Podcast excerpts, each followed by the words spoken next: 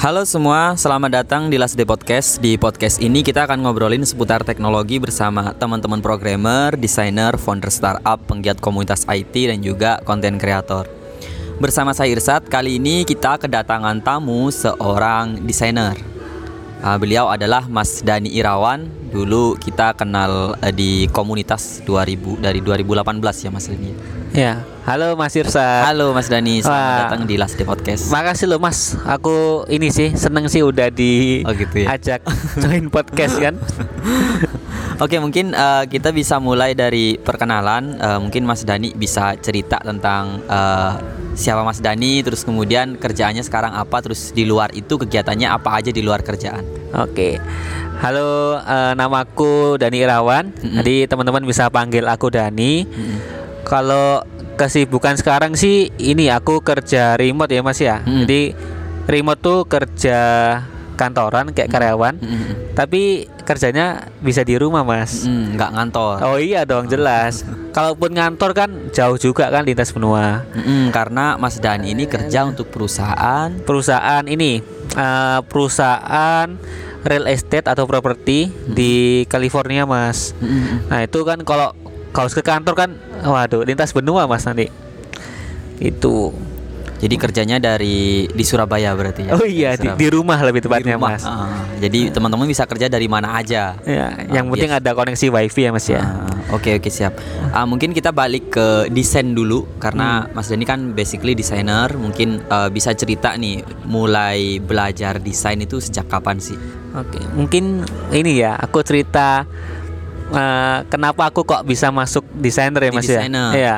Jadi dulu tuh ke pas lulus SMP nih mas, Mm-mm. aku bingung sih mau lanjut SMK apa gitu kan ya. Mm-mm. Nah terus eh, aku nyoba ini mau masuk SMK teknik mesin kalau nggak salah mas. Mm-mm. Jadi Teknik mesin. Iya iya teknik mesin. Jadi aku udah beli formulir, terus aku mau nyerahin nih mas. Besoknya kan aku mau nyerahin ke sekolahnya itu kan. Mm-mm. Nah itu ada salah satu tetanggaku bilang gini, "Eh, Mas, Mas Dani nggak ini, nggak coba, nggak coba ini SMK desain Mas. Jadi Mm. nanti kerjanya itu ini bisa dipercetakan, Mm. terus bisa desain-desain flyer gitu. Mm. Nah, pada saat itu ya, wah tertarik aku sih mas. langsung tertarik. iya ya? langsung tertarik. Dengan Jadi, iming-iming percetakan Iya. udah tertarik. jadi formulir yang teknik mesin tuh Heeh. aku ini sih, aku simpan lah. Mm-mm. Nah besoknya ini aku ke sekolah eh, SMK Gama Cendekia mas Di Surabaya? Ya di Surabaya, lebih tepatnya di Kalijudan. Mm-mm. Jadi di SMK itu ada empat jurusan mas. Mm-mm. Eh empat atau tiga ya? Seingat Mas Dani Empat, eh, empat. Empat. Jadi ada multimedia, multimedia. farmasi, Mm-mm. perawat, sama pemasaran mas. Mm. Nah jadi aku ambil yang eh, SMK multimedia. Mm. Nah itu sih awal aku eh, belajar desain. belajar desain walaupun di multimedia kan bukan desain aja kan ya Nah, ah, jadi kalau di multimedia sendiri itu campur sih ada yang desain, ada eh, fotografi, Fotografi, video, video bikin web pun juga masuk sana Oh, bikin mas. web juga ada di Nah, ah, multimedia jadi nyampur sih. Ah, ah. Nah, terus ketika eh, berjalannya waktu ya, Mm, mm, mm.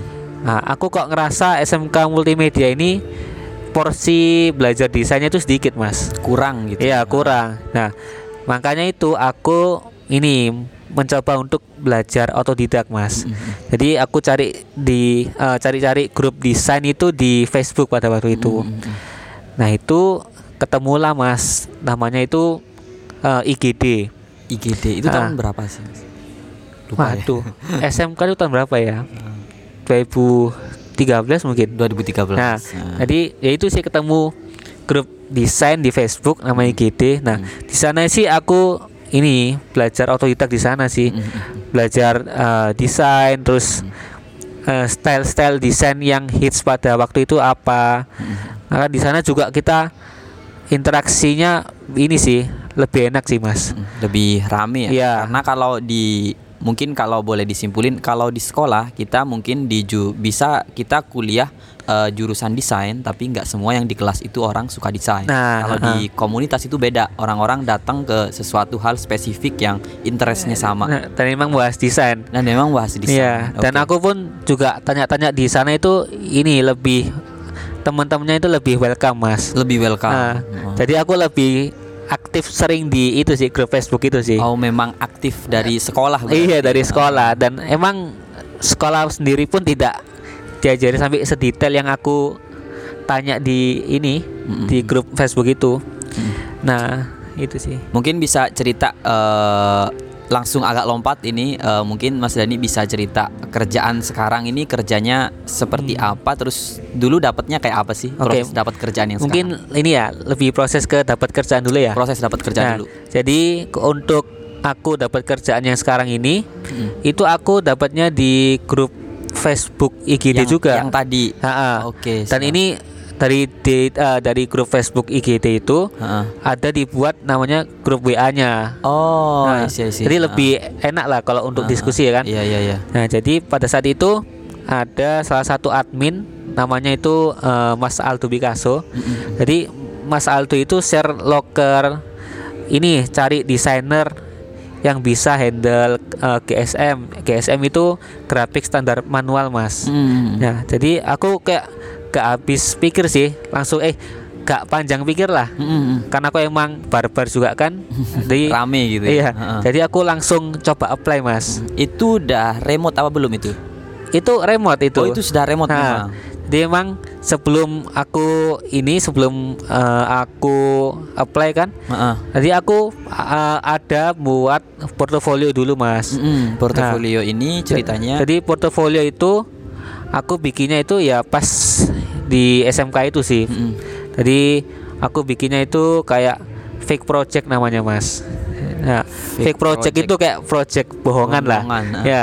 Jadi kita bikin, kita eh, kasih brief sendiri Mm-mm. dan hasil akhir itu dijadikan portofolio. Hmm, jadi seperti project beneran tapi bukan. Nah, ya. Ah, Oke. Nah, jadi kan aku udah ada ini nih. Udah Portofolio. ada portofolio. Mm. Nah, itu aku coba apply yang di kerjaan dari Mas Aldo itu. Hmm, di grup Facebook tadi. Ya, Hmm. pada saat itu ini Mas Aldo bilang, "E, Mas kalau portofolionya dibikin lebih simpel, apakah bisa gitu kan? Oh gitu. Berarti Ya. tidak simple. Tidak simpel pada, Oh, pada saat I see, itu. Aku bilang kalau mau dibuat simpel mudah sih Mas bagiku kan. Oh iya sih. ha, Nah, ha. pada itu ini aku di kayak dikasih tugas lah sama Mas Aldo gitu kan. Mm, mm, mm. Oke, kata Mas Aldo udah stylenya udah sesuai kayak punya aku. Mm, mm.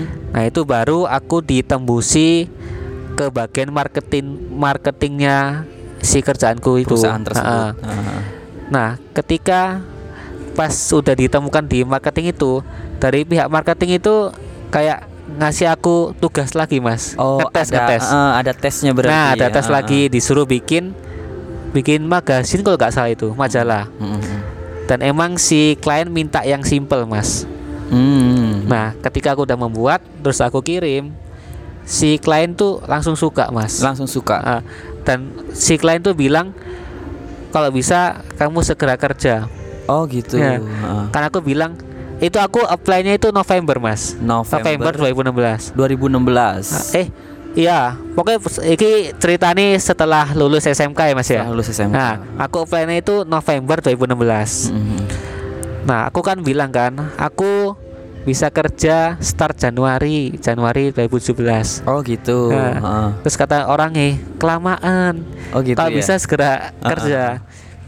Eh, kamu magang dulu deh satu bulan Oh gitu. dan itu pun digaji mas. Oh iya, magang udah digaji iya ma- ya? magang digaji mas. Nah ini mungkin yang saya juga pengen tahu Ini kan perusahaan berarti perusahaan California Heeh. Which is luar negeri Iya, gitu kan luar negeri. Nah yang saya pengen tahu dari tadi kan ada interaksi nih Terus Heeh. interaksinya sudah bahasa Inggris pastinya kan Oh jelas pasti Ah, bahasa jadi, Inggris itu. ah, Waktu itu gimana tantangan dan prosesnya seperti apa? Oh kalau untuk tantangan sih tantangan banget kan. Ah, Apalagi bahasa. aku emang lulusan Lulus sekolah SMK kan Ah. ya nggak tahu apa-apa. Heeh. Jadi ya hanya bermodalan Google Translate sih Google mas. Translate. Jadi interviewnya memang chatting Iya chatting dan Hmm. iya chatting sih. Dan itu pernah sempat dia minta video call mas. Video call Dan ya tahu sendiri lah kan jawabnya eh, yes no. Oh, jadi terjadi ya video Terjadi. call, tidak ditolak maksudnya. Tidak ditolak. Oh, diterima Oh, aja iya, berarti. terima gas lah langsung. Heeh. Jadi ya jawabnya ya yes atau no lah gitu aja. Hmm, jadi impress dari mereka kayak apa waktu itu kira-kira? Ya senyum-senyum aja sih. memaklumi mungkin. Iya memaklumi. Ah, Ih bocah nih Mas. Ya, Oke, next mungkin eh, bisa cerita tentang eh, perusahaan ini eh, mungkin nggak cerita perusahaannya, mungkin eh, bergerak di bidang apa, terus job description seorang Mas Hmm. Dani sebagai remote worker designer di sana seperti apa? Oke, kalau untuk kerjanya itu aku kerjanya di Arbor Real Estate ya. Mm-hmm. Itu dia eh, perusahaan yang bergerak di bidang properti, Mas. Properti. Ya. Jadi kalau untuk job deskku sendiri aku emang ini sih graphic designer yang handle keperluan marketingnya mereka, Mas. Hmm. Jadi marketing yang aku maksud itu seperti eh, bikin brosur, Hmm. terus kartu nama Hmm. dan lain-lain sih eh, kayak eh, apa pamflet juga sih bikin juga.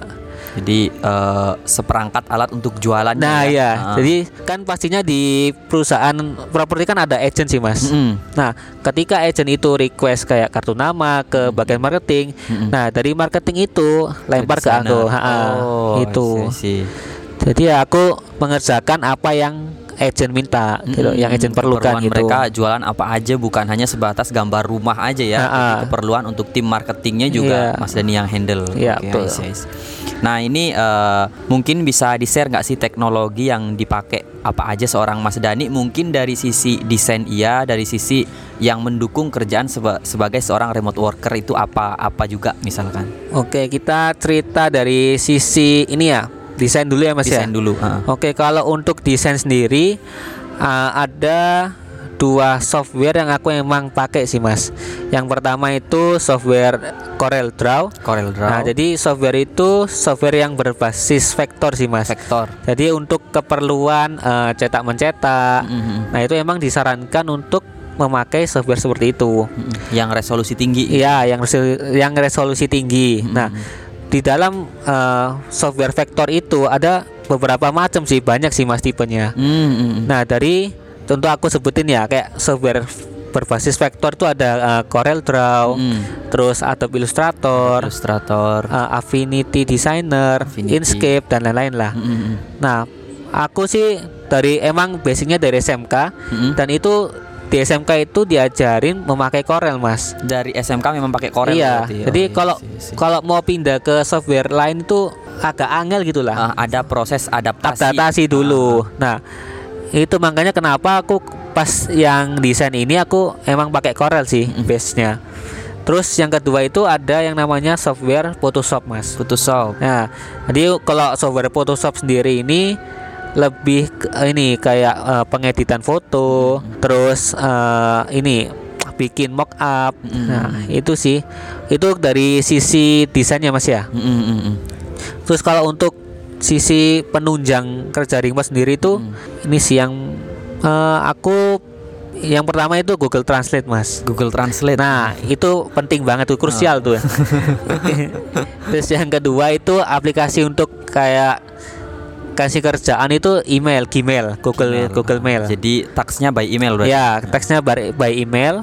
Terus yang ketiga itu untuk sistem komunikasinya itu aku pakai yang namanya Google Hangout. Mm, mm. Google Hangout Nah, untuk komunikasi. Jadi untuk ya kayak chat seperti biasa, chat-chat dengan klien pakainya Google Hangout sih. Mm, mm.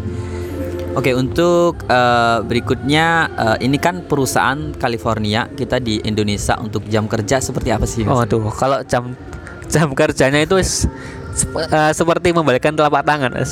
Jadi jam kerjanya itu beda 12 jam dari kita sih. Beda 12. Ha, jadi jam kerjaku itu kan jam 12 malam 12 malam. sampai 8 pagi. Oh, see, Jadi see. ketika orang-orang tidur saya kerja, Mas. kerja, ketika orang-orang kerja. Saya tidur. Oh iya, sih luar biasa. Kebalikannya begitu emang.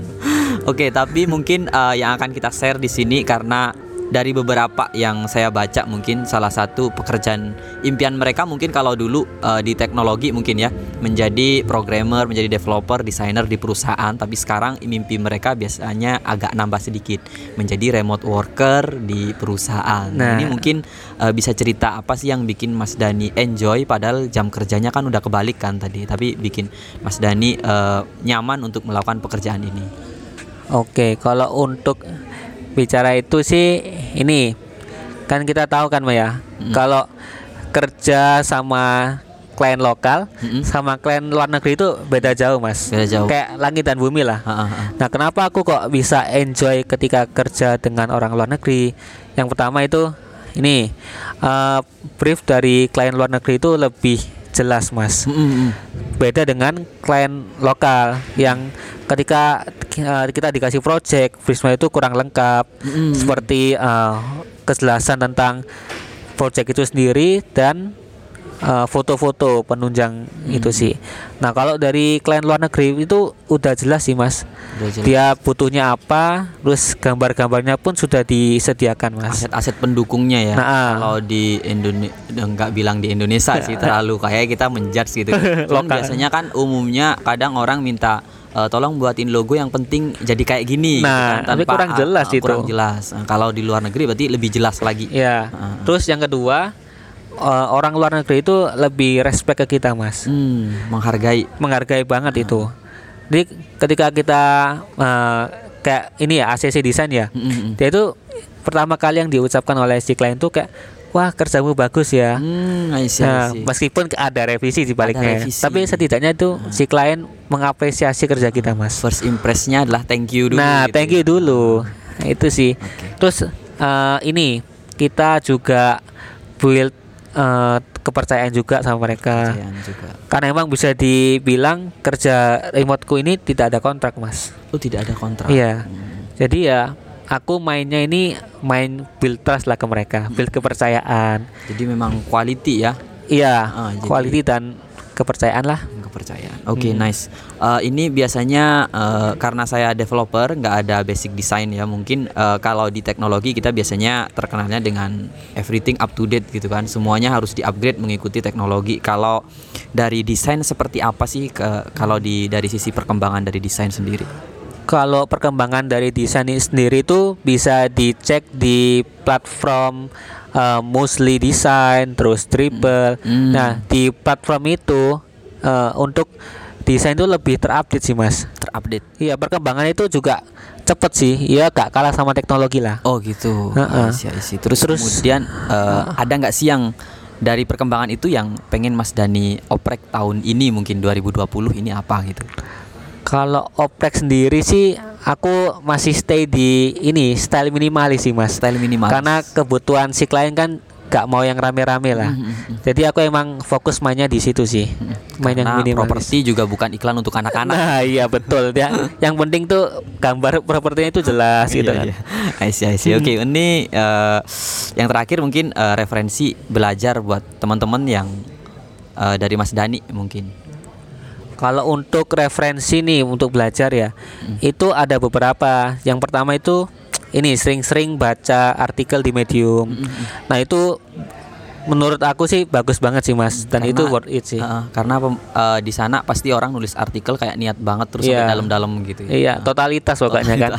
Terus yang kedua ya ini sering-sering uh, intip platform portofolio seperti Dribble, Behance. Behance. Nah di platform itu ada yang namanya itu study case. Oh, study case. Nah jadi kita bisa lihat problem apa yang diselesaikan oleh si desainer. Hmm, see, itu. I see, I see. Terus yang ketiga ini sih melek dengan online course mas. Online course. Ya, kan juga dalam teknologi sekarang kan ini sih lebih mudah sih Mas untuk akses uh, kayak video-video gitu kan. Salah satunya itu bisa di Udemy. di Udemy. Udemy sih kayak yang aku biasanya pakai itu. Yang masih join Mas Eh, Dani. iya, yang masih join tuh. Nah, terus Mas Dani kan juga create eh, apa ya project atau apa sih yang di Instagram yang mungkin bisa dikenalin lebih dalam mungkin di- Oh. tentang at lumbung design. Oke. Kalau project sekarang nih ya. Mm-mm. Nah, ini aku bikin uh, yang namanya itu kelas desain Mm-mm. uh, dengan nama Lumbung Desain. Lumbung desain. Jadi aku buat uh, project ini tuh sama yang namanya Mas Fadil. Mas Fadil. Ya. Heeh. Nah, kenapa kok memilih nama Lumbung Desain? Mm. Kita tahu kan Lumbung itu sebagai tempat penyimpanan kayak tadi gitu kan. Penyimpanan. Nah, nah, itu aku ingin membuat Lumbung itu sebagai tempat belajarnya kelas-kelas desain gitu, Mas. Mhm. Nah, kalau untuk sekarang itu kita lagi fokus ke pembelajaran UI UX sendiri mas Hmm, hmm, hmm. dan kita kan kita juga tahu nih kayak Surabaya itu ini sih ketinggalan sih mas kalau soal. UI UX ah, ah. kalau di Jakarta mah ngebut ya Ngebut. nah makanya kenapa aku bikin yang UI UX itu di Surabaya karena emang demandnya itu besar sih mas Lagi besar Iya. dan eh, apa ya? eh, edukasi yang mendukung itu kurang. nah Heeh. Kan juga banyak tuh teman-teman di Surabaya yang ingin belajar UI UX Mm-mm. tapi bingung belajarnya di mana Bingung ya. belajarnya di Nah, mana. makanya terutama itu di Surabaya. ya di Surabaya makanya itu aku sama Mas Fadil bikinlah lumbung desain ini Hmm, kalau untuk teman-teman yang kepo mungkin bisa cek di bisa cek di Instagram lumbungdesain.id oke at lumbungdesain.id. Iya, is- pantau di situ semua lah. Oke, ini yang terakhir untuk teman-teman yang pengen lebih dekat dengan Mas Dani. Mas Dani aktif di sosial media yang mana? Kalau aku aktifnya di Instagram, jadi teman-teman bisa search IG ku dengan keyword eh, Dani Irawan desain. Oke. Jadi di Instagram itu aku sharing-sharing tentang tips and trick tentang dunia desain. menarik sekali. Itu sih lebih sharing lah. Heeh. Aku senang sharing. Nah, jadi teman-teman yang lihat profilnya nggak sekedar lihat curhat Ah, iya. secara pribadi, tapi juga ada knowledge di sana. Ya, lebih ke knowledge, Mas. Oke oke. Thank you Mas Dani udah sharing di Last Day Podcast. Wah, terima kasih ya, Mas sudah diajak podcast nih. Siap-siap. Oke, buat teman-teman jika ada kritik dan saran boleh DM di Instagramnya lasd at l a z d a y i d dan sampai ketemu di episode berikutnya. See you guys. See you.